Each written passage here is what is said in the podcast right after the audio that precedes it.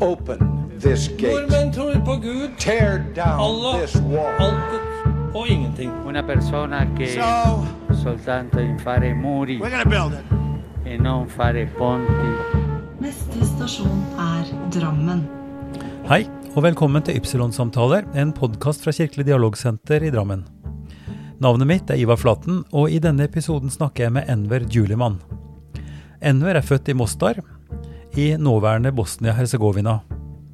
Han hadde sine barne- og ungdomsår der, i Sarajevo og i Beograd. Han utdanna seg til jurist og jobba ved sykehuset i Mostar da krigen kom i 1993. Så han måtte flykte i sikkerhet med familien og kom til Norge den 3. september i 1993. Det eneste landet i Europa med åpne grenser for dem på det tidspunktet. I Norge har Enver engasjert seg sterkt i menneskerettighetsarbeid og har skrevet flere bøker. Blant andre 'Forsoning', som kom i 2016. Prosjektet Bygg broer, ikke murer inspirerte til etablering av undervisning og utvekslingsreiser for ungdom, og til menneskerettighetsstudier på Høgskolen i Buskerud, nåværende Universitetet i Sørøst-Norge. Studier som fortsatt eh, tar imot studenter. Enver har siden 1996 jobba for den norske Helsingforskomiteen. Vi må lære oss å elske landet til våre barnebarn, og ikke hele tida snakke om landet til våre foreldre og besteforeldre, sier Enver. Kjære Enver, velkommen til podkasten Ypsilon-samtaler. Tusen takk.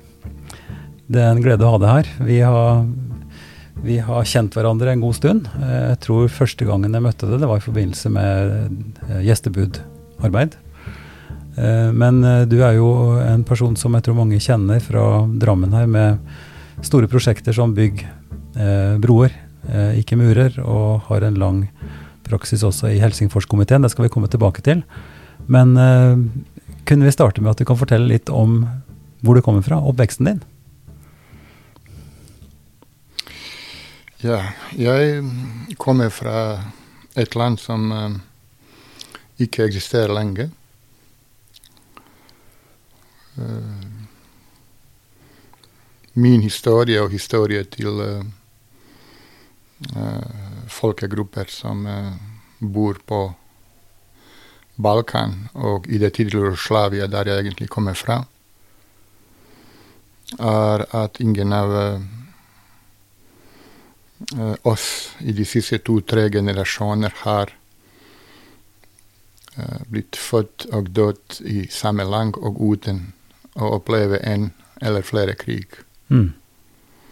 Vi har alle opplevd i, de siste to-tre generasjoner en, eh, både krig og at vi mistet vår egen eh, fedreland og eh, så videre. Mm. Så ja, jeg kommer fra det tidligere Jugoslavia.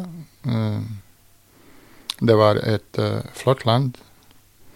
Et uh, land som kom seirende fra annen verdenskrig. Mm. Et land som vokste opp og blomstret etter krigen, og uh, mennesker har vært glad for å kunne bidra med gjenoppbygging av landet, og vi alle hadde et håp om å skape et bedre fremtid. Mm.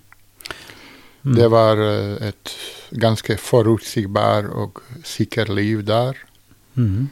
Du fikk deg skole, du giftet deg, du skaffet deg jobb, osv., osv. Kunne, kunne, kunne vi rett og slett zoome inn på det? Hvordan var det å være gutt? Eh, Du var i Mostar du vokste opp. Eh, Kan du si litt om familien din, og hvordan det livet helt konkret var sånn, som, som guttunge? Jeg vokste faktisk opp både i Mostar, Sarajevo og i Beograd. Ja. Uh, de første årene har jeg uh, vært, har jeg bodd i, i Mostar, der jeg ble født, og jeg uh, jeg eh, bodde ved siden av en elv, Mhm. og uh, denne elven betydde mye for meg, fordi det, der brukte jeg egentlig mest av min tid. Mhm. som en, um, som en um, fattig gutt Mm. som ikke hadde noe annet uh, å gjøre, ikke noen andre steder. Det var litt for dyrt å dra til kysten. Mm. Så det vi pleide var å stjele litt eh, tomater og løk og brød og tilbringe hele dagen ved elva. Mm. Du, der? Eh, nei, jeg var ikke flink til å fiske, fiske nei, men vi har um, Vi har pleid å, å, å, å jakte på, på reker.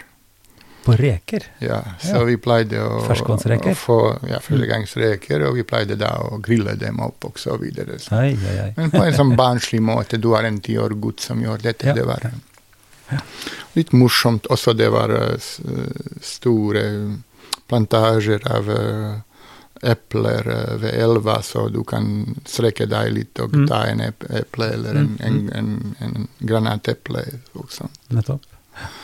Eh, videregående skole har jeg gått i Sarajevo og, og i Beograd, og jeg studerte i Sarajevo. Det som er interessant med, med Mostar, er at uh, der uh, det som er uh, spesielt for Mostar, og der navn trekker navn, eh, eh, byen trekker sitt navn, det er den gamle brua Mm.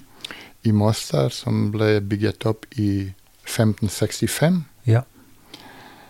Og eh, vi, alle folka fra Mostar, var på eh, veldig nær og på en veldig uh, emosjonell, følsom måte tilknyttet til denne broa. ja, det kan jeg skjønne. Så for meg, uh, uh, som har på en måte med å komme til Norge mistet denne tilnærming til broa, eh, og nærhet til broa, eh, det, det eh, det har fått sin erstatning i Ypsilon-brua. Ja. ja. Så nå er det Ypsilon-brua som har tatt denne plassen, Mm. eh, som gamle brua har i Mostar. Og jeg er ganske glad for Ypsilon-brua, og eh, på en eller annen måte også tilknyttet til den. Og eh, har visse følelser for den, så det, er, det ser ut som jeg er litt som tilbøyelig til å være knyttet til broer. Ja, og det, det som jeg også er litt nysgjerrig på når du sier at du vokste opp både i Mostar og eh, i Sarajevo og i Beograd, betyr det at du har familiær tilknytning til flere eh, skal vi si, kulturretninger også? Eh, fordi mm, sånn konvensjonell kunnskap sier jo at Beograd eh, er ortodoks, eh, eh, Mostar eh, muslimsk, eh, og så har vi veldig kort vei mot, eh, mot den tredje store, altså katolske, katolske kirken, som er veldig Sånn som jeg opplevde da jeg var sammen med deg i Mostar. altså den eh, sterk, Det var jo spenningsfullt, egentlig, og, og, og, litt vanskelig med disse spenningene som bygges opp i byen. og Det kan vi snakke om seinere, men, men har du den erfaringen i familien? At det er forskjellige, forskjellige eh, tilknytninger til disse tradisjonene? Så eh, Disse tre religioner har levd eh, sammen med hverandre. Ikke ved siden av hverandre, men sammen Ja. med hverandre. Mm. Også i Mostar, byen jeg kommer fra. Det er både muslimer, katolikker og ortodokse Ja. kristne i Mostar. Og Mm. eh, vi pleide på en måte å leve vår egen og andres religion på samme måte som vår egen. Mm. Jeg husker vi som selv eh, var, eller tilhørte til den muslimske gruppen, selv vi ikke var religiøse. Vi pleide å, å gå inn i kirken uh, før jul og feiret sammen i kirken med våre katolske og, Mm. og ortodokse eh, venner. Som, som sagt, vi, vi levde hverandres kultur og, Mm. og til og med religion Mm. uten noen utfordringer. Det har man ikke gjort noe stort av. Religion ble eh, først viktig eh, før, under og nå etter krigen. Mm. Når eh, Ja. religion er mye i bruk, skal jeg si det. Det blir, det blir en slags markør, altså en, en mulighet for å kunne skille og definere grupper fra hverandre. Dette er jo, eh, dette er jo det samme som, som jeg har hørt ifra, fra mange, og derfor så blir spørsmålet kanskje litt uh, ufølsomt på en måte, fordi man ikke skilte. Det var ingen reell eh, sak på en måte den gangen, og også i, i Titos regime og under kommunisttiden så var det også et stort prosjekt at man skulle stå sammen, at ikke man skulle trekke frem eller forsterke eh, gruppetilhørighet innad i nasjonen. Eh, kan ikke det stemme også? Ja, det var eh, et mål å, å, å bygge en som enhet mellom forskjellige folkegrupper og eh, forskjellige religioner Mm. i, i fredstiden. Men eh, de eh, eh, nasjonalistene har klart etter hvert å bruke og misbruke også religion til å homogenisere forskjellige, forskjellige etniske grupper. Mm. Eh, vi må komme inn på det som da etter hvert ble tilspisset mye. Du, du er jurist, eh, har eh, juristutdanning, og du jobbet også Du var i arbeid eh, når vi kom inn på 90-tallet, ikke sant? Jeg er jurist fra Universitetet i Sarajevo og jobbet som jurist eh, eh, i eh, administrasjon til regionalsykehus i Moster. Ja. Mm. Så det var tre-fire av oss jurister som tok oss av juridiske spørsmål for sykehuset. ja. Så du var etablert, du hadde et liv der, du hadde familie. Mm. Eh, og så det som du nå antydet, det med nasjonalisme og, og oppbygging av fronter. Hvordan opplevdes det for, din del? Hvordan var den prosessen fram til dette fryktelige krigsutbruddet, da, og, og der det ble kamper, rett og slett? Så først eh, Som de fleste mennesker så tror du at krig skjer til noen andre, ikke til deg selv. Ja. Og når krigen nærmer seg, så tenker du der er FN og andre internasjonale organisasjoner som ikke skal la dette skje. Mm. Så kommer krigen og eh, går fort, både gjennom ditt land, gjennom din by, eh, ditt hjem Mm. og eh, din familie. Jeg eh, har eh, vært i krigen i et halvt år, ett og halvt år, og har eh, opplevd eh, både til å bli skutt, til å bli jaget ut, eh, til å bli truet. Jeg har uh, til og med mistet klart, lært at, man kan miste stemme Ja. av å hviske. Mm. Og uh, Så du var i regulære tropper? Du var soldat? Nei, jeg var uh, Jeg jobbet i, i sykehuset Mm. eh, med administrering av eiendommer Mm. som eh, sykehuset hadde Ja. før krigen, og da snakker vi om leiligheter og slike ting. Mhm. Så når krigen begynte, så vil ledelse på sykehuset vite hvor mange leiligheter, hvem bor der, fordi du vet at um, når en krig begynner, uh, så er det mange som ser for seg muligheter å skaffe seg ja. noe som ikke tilhører dem. Mm.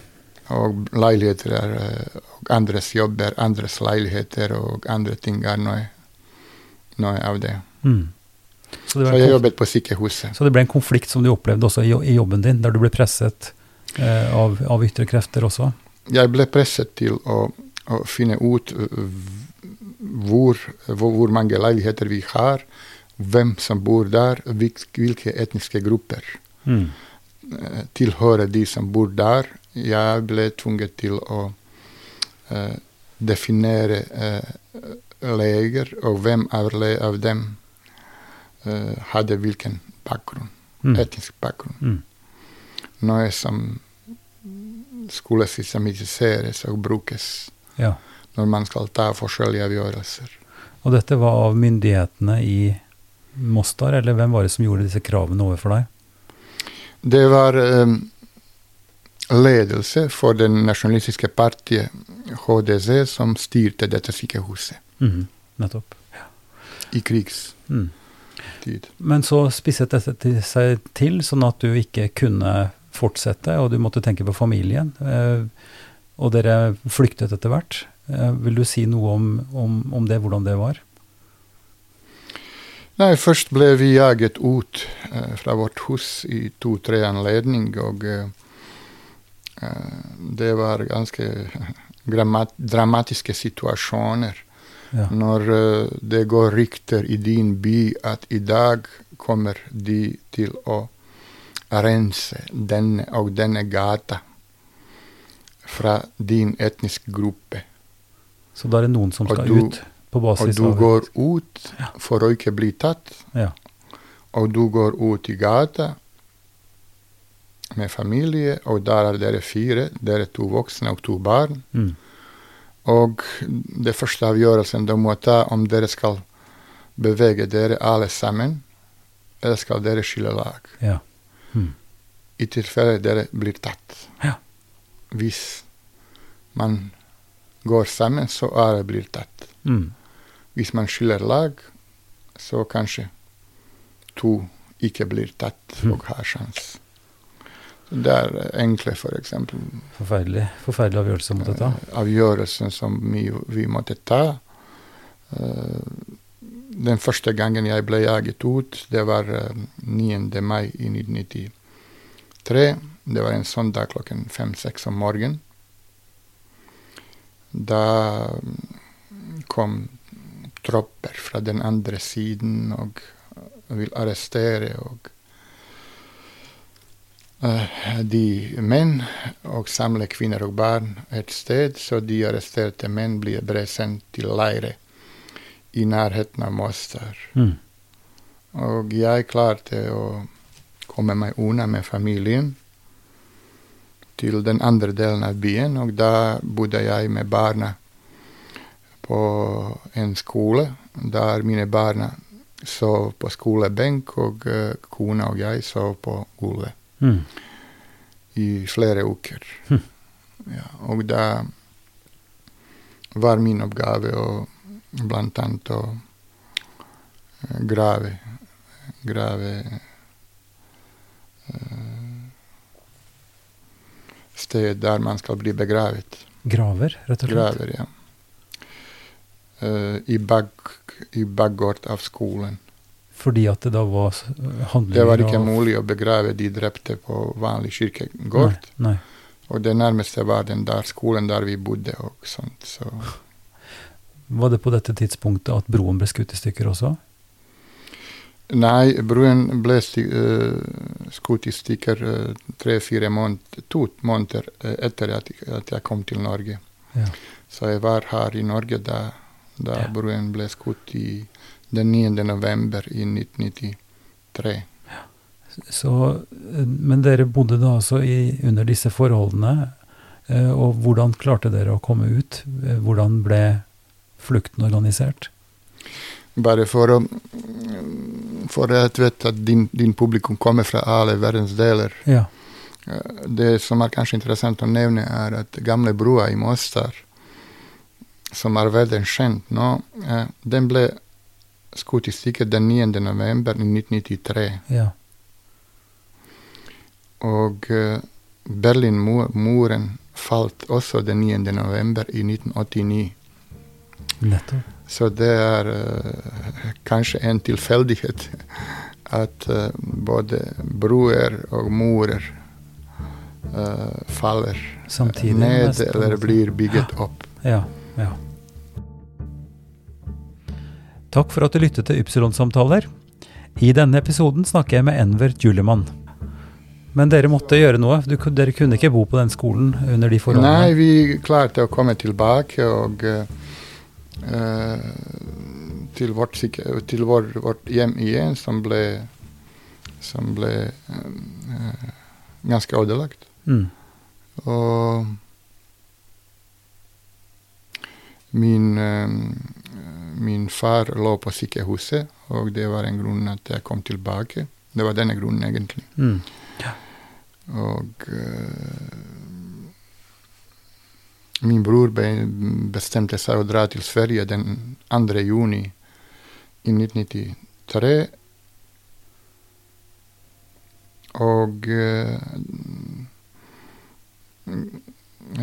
han og jeg besøkte min far og fortalte ham at, at broren skal dra. Og dagen etter, før jeg hører fra leger at min far døde en time etter at vi dro. Fra ham. Han uh, fikk uh, hjerneslag Ja. etter at han har hørt denne nyheten at broren min skal til Sverige. Så min bror var på Døde av veien sorg, til rett og slett, på en måte. Så min, min bror var på veien til Sverige, og, eh, og da måtte jeg velge om jeg skal be ham å komme tilbake og ta del i begravelsen, eller skal jeg la, skal jeg la ham dra. Mm. Ja, det var ganske eh, dramatisk Ja. denne juni. Eh, og, men vi ble, og vi ble igjen utsatt for trusler der soldater kommer til vårt hjem. Mm. Det er eh, ikke bomber og granater man eh, er redd under krigen, men soldaters sko. Ja. Mm. Og jeg jeg fremdeles jobbet formelt på sykehuset, og, eh, og jeg var på dagstid på sykehuset. Om natta sov jeg i under bord, under mitt arbeidsbord på sykehuset, og, og hvisket med to andre kollegaer Hva med familien? flere tider, mens familien, kona og barna var hjemme. Og da fikk de besøk av soldater som, som spurte etter meg, som uh, troet Ja. at neste gang når de kommer, neste gang når de kommer, og så videre. Så i begynnelsen av juli i 93 bestemte jeg meg å sende mine to barn og kone til, eh, til Dubrovnik Mhm.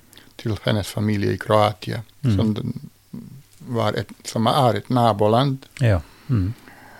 Uh, og hun bodde hos sin familie der eh, til jeg kom kanskje to uker etter, Ja. etter henne. Mhm. Og da er vi eh, i ca. tre-fire uker i Dubrovnik eh, og prøver å finne oss et sted vi skal reise. Mm. Og Norge var på denne tiden eh, det eneste landet i Europa som fremdeles hadde åpne grenser. Ok. Så vi kom til Norge den eh, 3. september 1993. Eh, Hva var grunnen til at grensene var stengt i de andre landene? Jeg tror at eh, det er eh, flyktninger fra det tidligere Jugoslavia har begynt å komme til Europa allerede fra begynnelsen av 1992. Ja. Så jeg tror at, eh, at, de, at grunnen til at de stengte grenser i, i juni-september 93 var at de aldri har fått for mange flyktninger mm. i Europa. Bare i Norge kom på den tiden 15 000 eh, Ja. flyktninger fra Bosnia. Mm. Eh, vi skal komme tilbake til markeringen av 25 år eh, etter Srebrenica. Men før vi kommer dit, så kunne jeg tenke meg at du kunne si litt om hvordan ditt møte med Norge var. Altså, du kjente vel kanskje ikke så mye til eh, Norge på forhånd. Dere kom dit fordi at det var eneste mulighet, nærmest. Eh, kanskje ikke, Det var kanskje Sverige som ville vært eh, det primære, i og med at broren din reiste dit. Jeg vet ikke, hva, Hvordan var det å komme til Norge? Det jeg visste om Norge på forhånd, at det var uh, litt fra den norske litteraturen. Ibsen. Mm, ja. Visste om Quisling.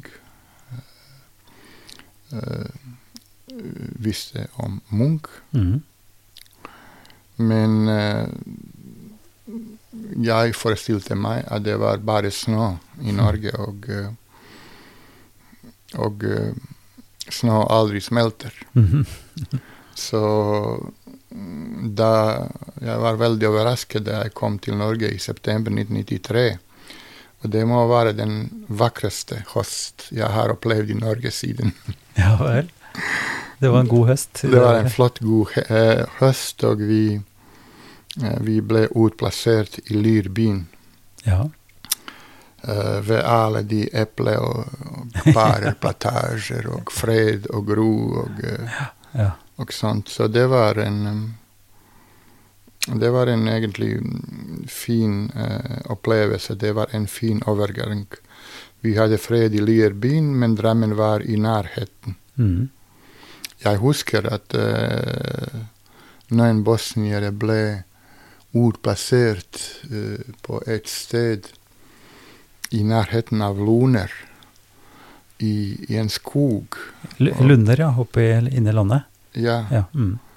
i en skog fordi nordmenn trodde at de, de trenger de som er traumatisert av krig, trenger fred og ro. Mm.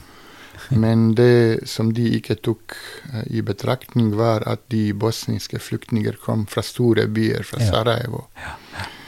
Og andre store byer fra Bosnia, og de er vant til, til eh, mange mennesker, å ha mange mennesker rundt seg. Mm. Mens her plutselig de blir de utplassert i en skog. Så jeg husker de ble De gikk jo ut i bein og, og, og startet demonstrasjoner. De ville gjerne Mm. bli flyttet til byen, og da husker jeg at nordmenn svarte med å si at vi nordmenn skjønner oss ikke på dere bosniere. Amerikanerne, tyskerne, danskene, alle kommer til Norge for å se vår skog og natur, og til og med betaler for det. Og dere bosniere får alt gratis. ja. Og så Og, utakknemlige. og så demonstrerer dere. Det er ikke lett. Det er nok mange som har opplevd det problemet der. Vi har veldig mye plass i Norge, som du vet, og, og det er mange små steder. Og mye hjerterom, så det er jo mange som ønsker å ta imot, men det er ikke alltid at det er så enkelt for de som skal ta imot det. Men eh, når du sier dette, så var det mye Mye, mye, mye hjerterom eh, nordmenn viste i forhold til oss. Mm. Eh, vi fikk daglig besøk av fem-seks norske familier på mottak. Mm. De ville hjelpe, de ville lære oss norsk, de ville skaffe oss det vi trenger, de ville kjøre oss hvor vi eh, ville. Og eh, jeg vet ikke om det er slik i dag. I dag føler jeg litt at det er litt kanskje annerledes. Men kanskje jeg tar feil. Nei, jeg tror kanskje du er inne på noe. Et, men jeg tror det, skifter veldig. Vi, vi hører jo om, om eh, altså etter eh, skal vi si, den store Syria-krisen og, og flyktninger fra, derfra, så, så var det jo ganske mange som kom. Og det ble oppretta flyktningmottak rundt omkring. Og på, ute i landet rundt omkring så har det vært store eh, altså store innsatser, og folk har vist virkelig omsorg og har jobba mye for å, for å bli kjent og, og få integrere de som har kommet. Så jeg tror det, jeg tror det varierer ganske mye. Eh, Men vi kjenner jo retorikken, og vi kjenner også til prosessene som også her kanskje understreker forskjeller og, og, og blåser til glørne for å, for å på en måte markere forskjell. Når man ser litt eh, rundt eh, på situasjonen eh, med flyktninger i dag i Europa, så kan man kanskje si at en flyktning er en som alle flykter fra. Men det er bare ord, syns jeg. Det er, jeg synes det er fremdeles mange mennesker, spesielt i Norge, som bryr seg egentlig om flyktninger. Ja, heldigvis så er det sånn, men det er klart jeg, jeg tror også, Nå, nå holder jeg på å lese 'Pesten' av Camus, eh, eh, av åpenbare årsaker. Det er jo mange som har tatt opp den igjen. Ja. Men det han sier der, at det blir en slags eh, nummenhet, en slags apati på et tidspunkt, når det blir for mye. Og jeg tror kanskje det er noe av det også som kan være et problem. Eh, når man føler at, at, at det blir for uoverstigelig, så blir det mer en, en masse og et abstrakt problem, mer enn kontakt med enkeltmennesker. Og da er det kanskje enklere også å vise vi, holdninger som vi ikke liker å, å høre om og se, når det blir et abstrakt, teknisk, praktisk problem, og ikke enkeltmennesker.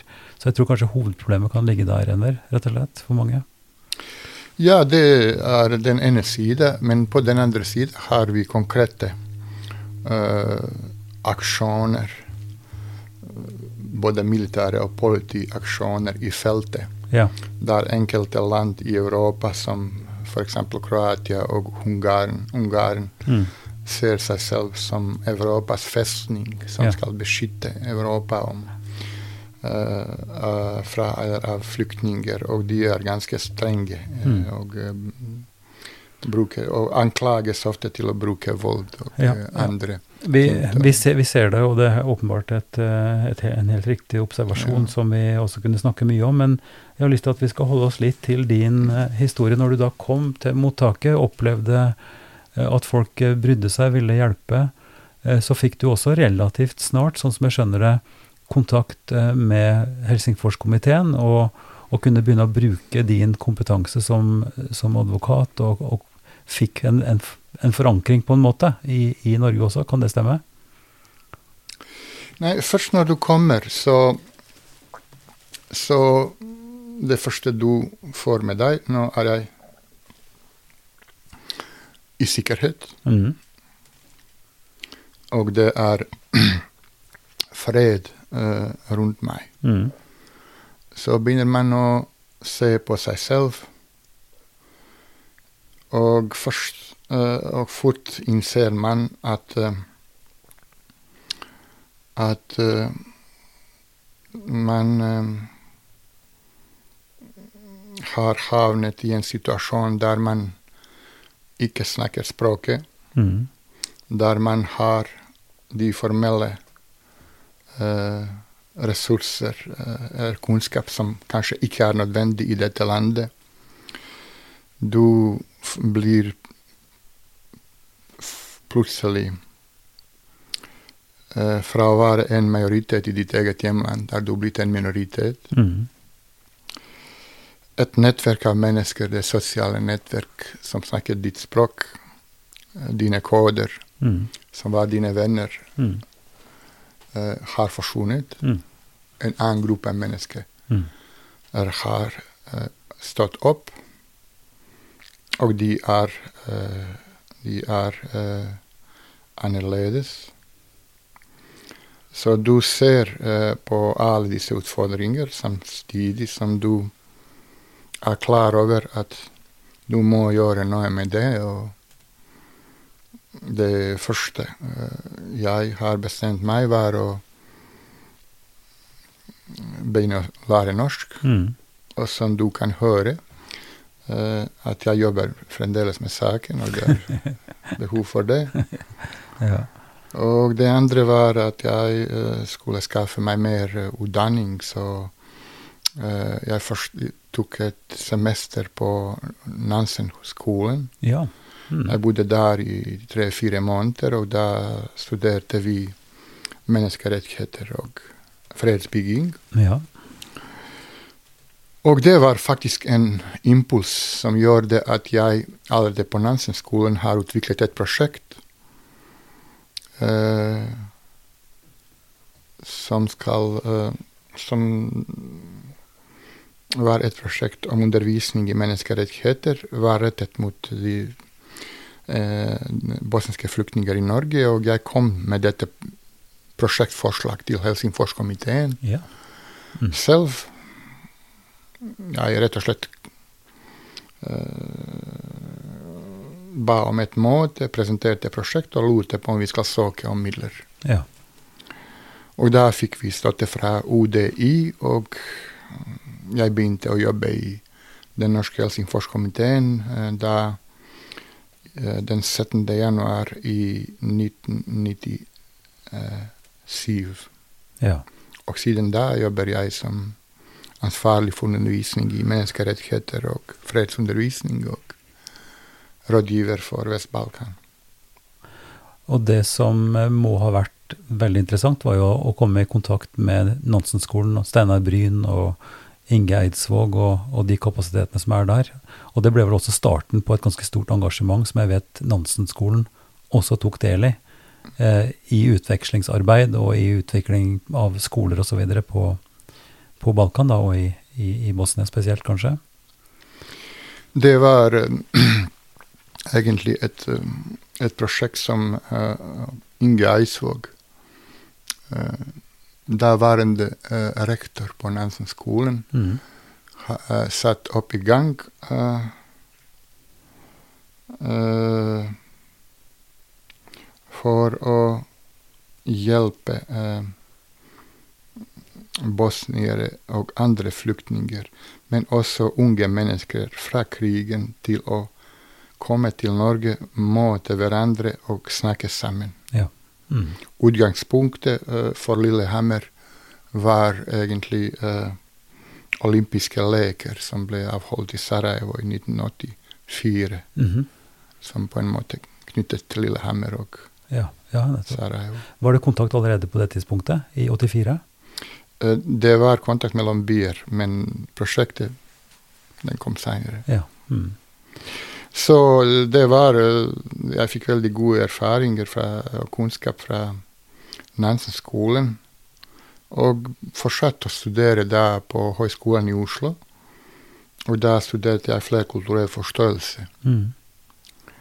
Og det betydde mye for meg. Mm. For en jurist som eh, snakket det juridiske språket, Mm.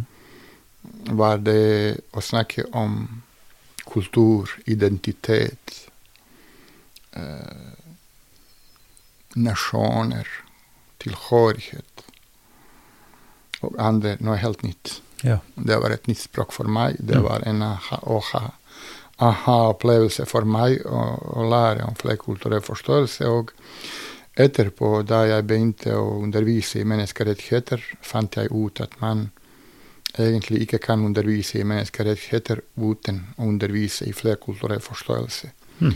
Fordi det at vi ikke respekterer andre og de som er annerledes, det at vi ikke aksepterer andres identiteter, kultur, Mm.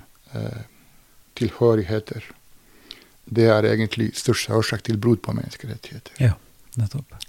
Så hvis man skal jobbe med menneskerettigheter, må man også jobbe med aksept av de ting jeg nevnte nå. Mm. Eh, Og i det arbeidet som du har gjort i Helsingforskomiteen, så har det veldig mye, sånn som jeg forstår det, handlet om eh, å jobbe med nettopp disse aspektene. Menneskerettigheter, identitet, samtale, konflikt, eh, skal vi si, konfliktløsning og, og forsoning også, i, i sterk grad. Du har jo skrevet en veldig interessant bok nettopp med det navnet, Forsoning. Um, og du har skrevet en bok om, om teknikker rundt uh, rundt uh, menneskerettighetsarbeid. Uh, den boka som heter 'Bygg broer, ikke murer', den kom Kan det stemme at den kom i I 2007, tror jeg. 2007, ja, men, men da kom den som et resultat også av ganske lang, lang praksis.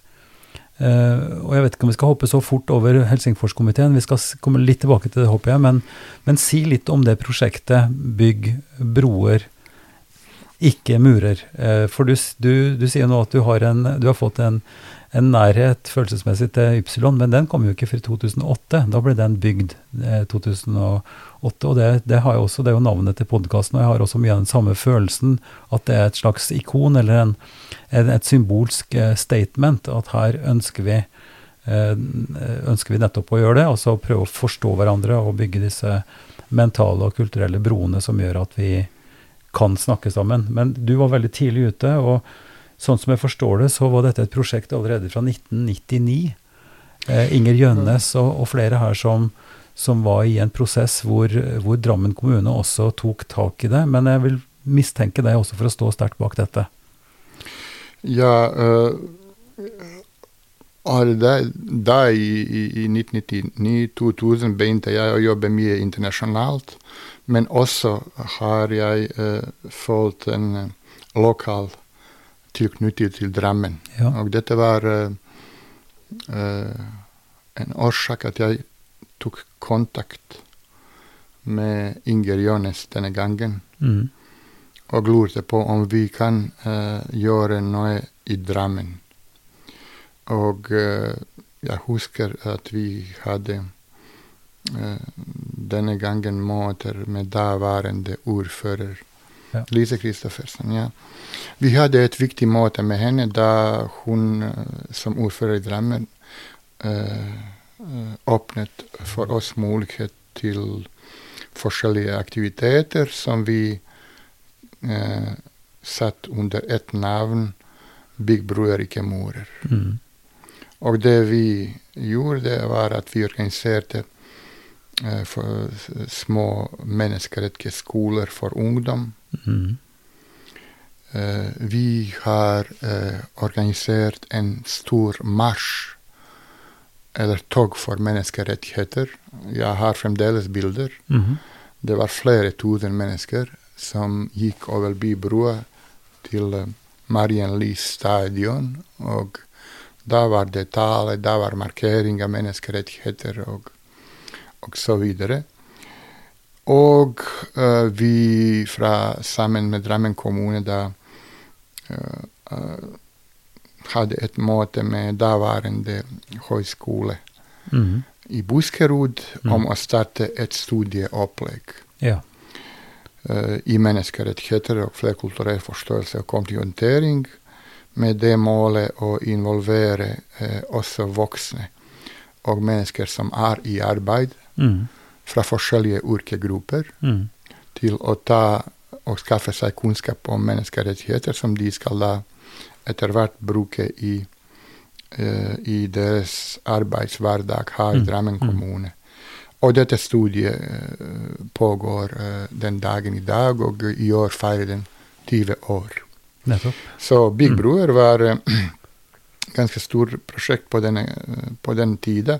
Vi har til og med organisert uh, menneskerettighetsskoler for uh, internasjonale menneskerettighetsskoler med amerikanske og bosniske og norske studenter. Mm. Så vi har organisert disse skoler vekslevis i Drammen, i Mostar i Bosnia og i en by som heter Red Wing i Minnesota. Ja. Så vi reiste med norske og bosniske flyktninger til Minnesota. Mm. Og de amerikanske og norske flyktninger kom også til Mostar. Takk for at du lyttet til Ypsilon-samtaler. I denne episoden snakker jeg med Enver Julemann. Dette er jo fantastisk eh, å kunne minne oss alle om, fordi vi har en veldig kort eh, historisk hukommelse. Eh, og, og dette var jo helt åpenbart en av de viktige si, drivkreftene og startene på arbeid som flere av oss har prøvd å, å videreføre. Sånn sett så er jo du både en mentor og en, en viktig årsak til det mye som har skjedd. Og jeg tenker jo også at det, det er jo fortsatt mer enn aktuelt å kanskje også tenke, tenke multilateralt her. At man ikke tenker bare to nasjoner, eller bosnisk-amerikansk eller bosnisk-norsk, men, men se for seg mange av de gruppene som nå har kommet etter hvert, som kunne ha veldig stor nytte av å bygge de relasjonene og, og lære om, om menneskerettigheter, identitet og, og ja, forsoning kanskje også. Du har jo også eh, av ditt arbeid, eh, Enver, fått en, en, en dialogpris som heter Blanche Major. Eh, si litt om den prisen. Hva, hva var det de la vekt på når du, når du fikk den? Det handler om forsoning også, gjør det ikke det? Det handler øh, øh, mitt arbeid med fredsbygging både i Norge og i utlandet. Mm. Uh, jeg har reist en del med, med aktive fredsreiser jeg har fått pris fra, og har uh, fått eh, lov å bidra. Eh, og eh, promovere denne ideen om fredsbygging og det man kaller forsoning. Mm. Jeg syns at man skal eh, selv i fred og selv i fredelige land som Norge, og selv om i fredelige kommuner som Drammen, syns jeg at man skal jobbe med forsoning på forhånd. At, eh, at man skal jobbe til og med i dag eh, i Norge med å forsone eh, de utfordringer vi har for å unngå eller minske fremtidige konflikter. Mm. Ja. Det deler det absolutt, og, og, og prøver på mitt vis også å bidra, bidra til det på forskjellige måter. Um, vi, skal, vi skal nærme oss det som kanskje er noe av det ja, vanskelige og, og mest ubehagelige. Jeg var jo så heldig å få være med eh, deg og en gruppe fra Nord-Kaukasus eh, på en studiereise eh, til Balkan, og det må ha vært i 2014, tror jeg. Eh, hvor jeg fikk besøkt både Mostar, og vi, vi var i, i Sarajevo, og vi var også i Beograd. Men det som, det som jeg aldri kan glemme, og det som eh var en, en, en svært sterk opplevelse, det var jo det møtet vi hadde eh, ved Srebrenica. Og, og var til stede der og fikk en, en, ja, fortelling fra han som var eh, vert, eller, eller guide der. Og nå er det 25 år siden, eh, Enver. Eh, det skjedde 1995. Um, og da kan en spørre, er det mulig å, er det mulig å, å tenke forsoning når, når det kan bli så utrolig hatske og, og, og drastiske og dramatiske utslag som, som massemord, altså rett og slett henrettelser, og, og, eh, hvordan kan man tenke seg også? Eh, Jeg spør jo kanskje litt personlig og ut ifra erfaring egentlig også, hvordan kan man klare å snakke sammen da i, i eksil, når man er flyktninger fra eget land, i, i Drammen og i Norge, og hvordan kan man snakke sammen der, og hvordan kan man klare å, å bruke en markering etter 25 år i en sånn hensikt, som du nettopp sa, det å få mennesker til å, å tenke samtale og forsoning på tvers av slike fryktelige historiske erfaringer. Og Mm. personlige erfaringer også. Eh, For de som, som skal eh, høre på dette intervjuet, kanskje ikke er eh, Ikke alle som kjenner til, til Srebrenica, vil jeg bare si at Srebrenica er et sted i Bosnia der uh, det i 1995 uh, eh, fant sted et, um, et folkemord. Første, eh, første folkemord etter annen verdenskrig i Europa. Og det var et folkemord eh, på direkte, på TV, der ca. 8800 unge menn og, og, og gutter eh, ble drept innenfor noen dager. Og som ble av de internasjonale domstoler kvalifisert som et folkemord.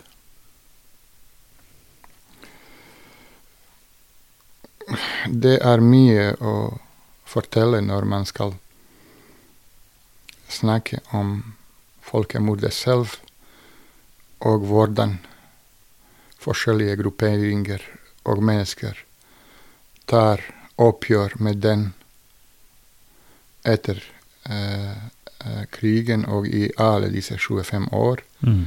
eller hvordan de ikke tar oppgjør med Mm. det som har skjedd. Men eh, skal prøve å svare direkte på ditt spørsmål om forsoning er mulig. Uh, det virker veldig vanskelig. Mm. Ofte opplever jeg får en tanke når jeg treffer mennesker at det ikke er mulig. Men samtidig tenker jeg at akkurat den muligheten at vi forsoner oss med hverandre, har gjort egentlig mulig at menneskeheten som sådan eh, kan eller har overlevd. Mm. Ellers har vi drept hverandre i en sirkel av hat og hevn. Så forsoning er mulig. Og desto før vi begynner med forsoning, desto bedre. Jeg husker en historie fra Sarajevo i 1993. Sarajevo er i beleiring av serbiske styrker. Mm. og cirka 30-40 kulturarbetare, eh, konstnärer, journalister, forfattere fra Beograd går genom serbiska linjer rundt Sarajevo, utsätter sina liv i fare mm. och kommer i Sarajevo i 1993 för att gi sin støtte til befolkning i Sarajevo, Mm. mot sine egne. Mm. De satte i fare ikke bare deres liv, de satte i fare deres, deres karriere, deres jobb Mm. og muligheter. Men det de gjorde denne gangen, var egentlig en veldig god investering i fremtidens forsoning. Ja. Mm. For da fikk befolkningen i Sarajevo lære at det fins Det er ikke bare der ute de onde serberne som skutter på dem. Det fins også en annen gruppe av serbere. Det fins også en annen Serbia som er for fred, som eh, setter pris på deres liv, og som ikke vil krige. Mm. Så eh, ja, forsoning er mulig, og desto før man begynner med den, desto bedre. Og det du også sier, at, eh, at relativt sett små skritt eller, eller, eller symbolhandlinger av forskjellig slag Ja. vil være med på å forankre en fremtid og et håp om at, eh, at det er mulig. For det er klart, de fiendebildene som tegnes, og som, men kanskje også, slik som jeg har lært av deg, og som jeg ser og hører nå i dagens politikk, det er jo at, at det blir en type historierevisjonisme. At man skriver om historien, at man ikke tar inn over seg det som har skjedd, eh, og at det også har utslag i dagens politikk i høy grad, kan man også si. Eh, Ja. eh, etter krigene på Balkan eh, har man satt stor lit til den internasjonale domstolen i Haag, Mm. Der man trodde at eh, gjennom deres arbeid skal domstolen finne, straffe de skyldige og eh, definere den juridiske eh, sannhet. Og det gjorde domstolen. Men det domstolen ikke klarte å gjøre, det er å forsone forskjellige etniske grupper, og det var egentlig ikke opp til domstolen å gjøre, det var opp til eh, de gruppene selv. Mm. Og så ikke arbeide for forsoning, spesielt deres politiske, kulturelle og andre eliter. Mm. Så det eh, man ikke gjorde, det var Og det som var forventet, at avgjørelser og vedtak til domstolen og funn til domstolen skal bli implementert i forskjellige stats eh, utdanningssystemet, Mm. forskningssystemet, eh, kulturarbeid osv., slik at det som domstolen har funnet eh, ut, skal man lære om eh, på en kritisk Mm. eh, måte. eh, på en måte som ikke eh, er rettferdiggjørende, Mm. skal, som skal rettferdiggjøre det vi har gjort, Mm. men på en måte som er forklarende, som Ja. forklarer oss. Som kan forklare oss hvor, hva har vi gjort, og hvorfor har vi gjort dette. Mm. Så dette uh, har uteblitt.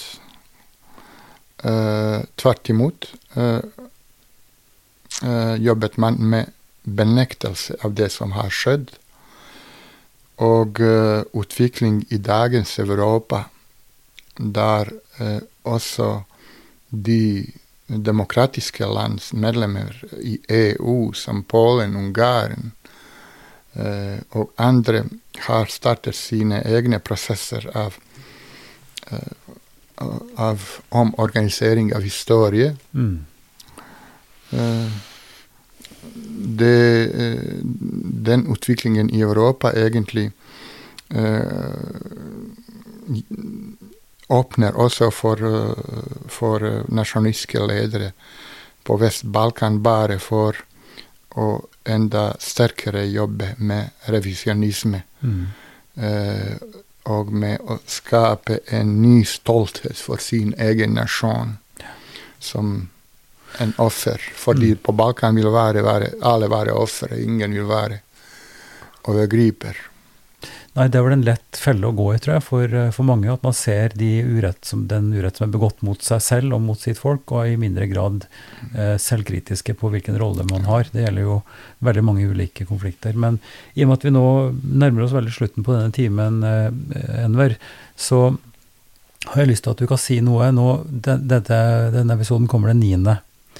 Og den tiende, da er det en dag som, eh, som markerer disse 25 årene. Og så har du og dere en plan om hvordan dette kan bli en anledning til refleksjon og opplysning, og kanskje også forsoning, på en måte, fremover høsten.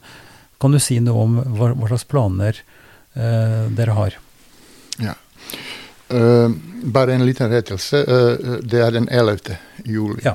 11. eh, man snakker om, men pga. korona måtte vi utsette våre, våre aktiviteter tilknyttet til markering av 25 år siden folkemordet fant sted. Når jeg sier vi, så betyr det at Den norske Helsingforskomiteen, der jeg jobber fra, eh, der jeg jobber, Mm. Så Den norske Helsingforskomiteen, sammen med sine partnere Mm. i Bergen, Drammen, Oslo og Stockholm, Mm. har planlagt å arrangere tre aktiviteter i hver av byene. Det første er en konferanse, en blanding av konferanse og paneldebatt. Mm. Det andre er fremvisning av et teaterstykke om Srebrenica, laget av uh, skuespillere fra Serbia, Mm. og en utstilling av bilder tilknyttet til Srebrenica. Mm. De aktivitetene skal vi begynne med i Drammen, og vi har allerede uh, booket uh, aula på Universitetet Mm. i Sørøst-Norge her i Drammen Papirbredden, ikke sant? for, ja, Mm. for den 30. 30. november, en fredag i år. 30. november. Unnskyld meg, 30. oktober. Ja, 30. oktober. Mhm. Ja. Mm. Da skal vår hovedpartner her være eh, Universitetet i Sør, Sørøst-Norge her i Drammen. Mm. Så flytter vi videre uka etter til, til, Oslo. Ja. Eh, Og hovedformålet med denne flerdelte markeringen vil være å, å gi mennesker mulighet til å, å lære om, om det som skjedde, eh, og årsakene til det, og kanskje også noe da rundt forsoning. Vil panelistene komme inn på slike temaer, eller er dette først og fremst et informasjons- eh, og minneprogram? Dette skal i mindre grad være et minneprogram, men i, i større grad et, et program der vi stiller spørsmål Ja. om hvordan vi håndterer uh, forskjellige forbrytelser. Mm. Og hva er vi uh, setter fokus på Mm. når vi uh, snakker og merker disse forbrytelser. Mm. La oss si eh, Auschwitz. Vi ofte snakker om Auschwitz og det som har skjedd der, og frigjøring av Auschwitz i 1945. Dette året er viktig for oss. Mm. Men det er egentlig ikke det vi skal fokusere på. Kanskje vi skal fokusere på, på lover Mm. som ble vedtatt i Tyskland i 1936, Mm. Eh, som gjør det Auschwitz mulig. Mm.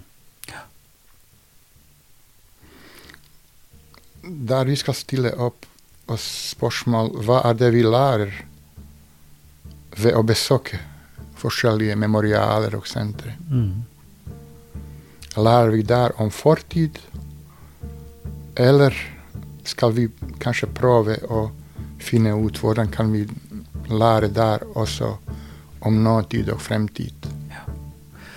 Eh, Det minner meg om at, eh, at håpet om at det er mulig å få til noe, at gode ting kan skje, og erfaringen også av at gode ting skjer, er viktig å løfte frem. Og, og jeg tror eh, du, Enver, har bidratt veldig mye både i skrift og tale og i den jobben du gjør med forsoning, som har lært meg og mange andre mye. Og så håper jeg at vi også gjennom eh, markeringene som skjer utover høsten, eh, og ikke minst nå i festivalen, vi skal også ha en festival som starter 12.9, som også står i dialogens og, og kulturmøtenes tegn.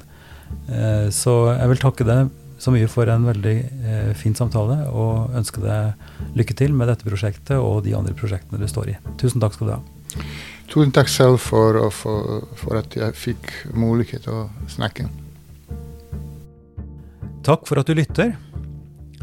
Mer informasjon om oss og hva vi holder på med, det finner du på www.ypsilonsamtaler.no. Der vil du òg finne en kort presentasjon av alle samtalepartnere og lenke til episodene. Abonner gjerne på Ypsilon-samtaler i din podkast-app. Vi er veldig glad for tilbakemelding og forslag som du kan sende til Ivar, krøllalfa, kirkeligdialogsenter.no. Podkasten er støtta av Drammen kommune, Barne- og familiedepartementet og Einar Juels legat.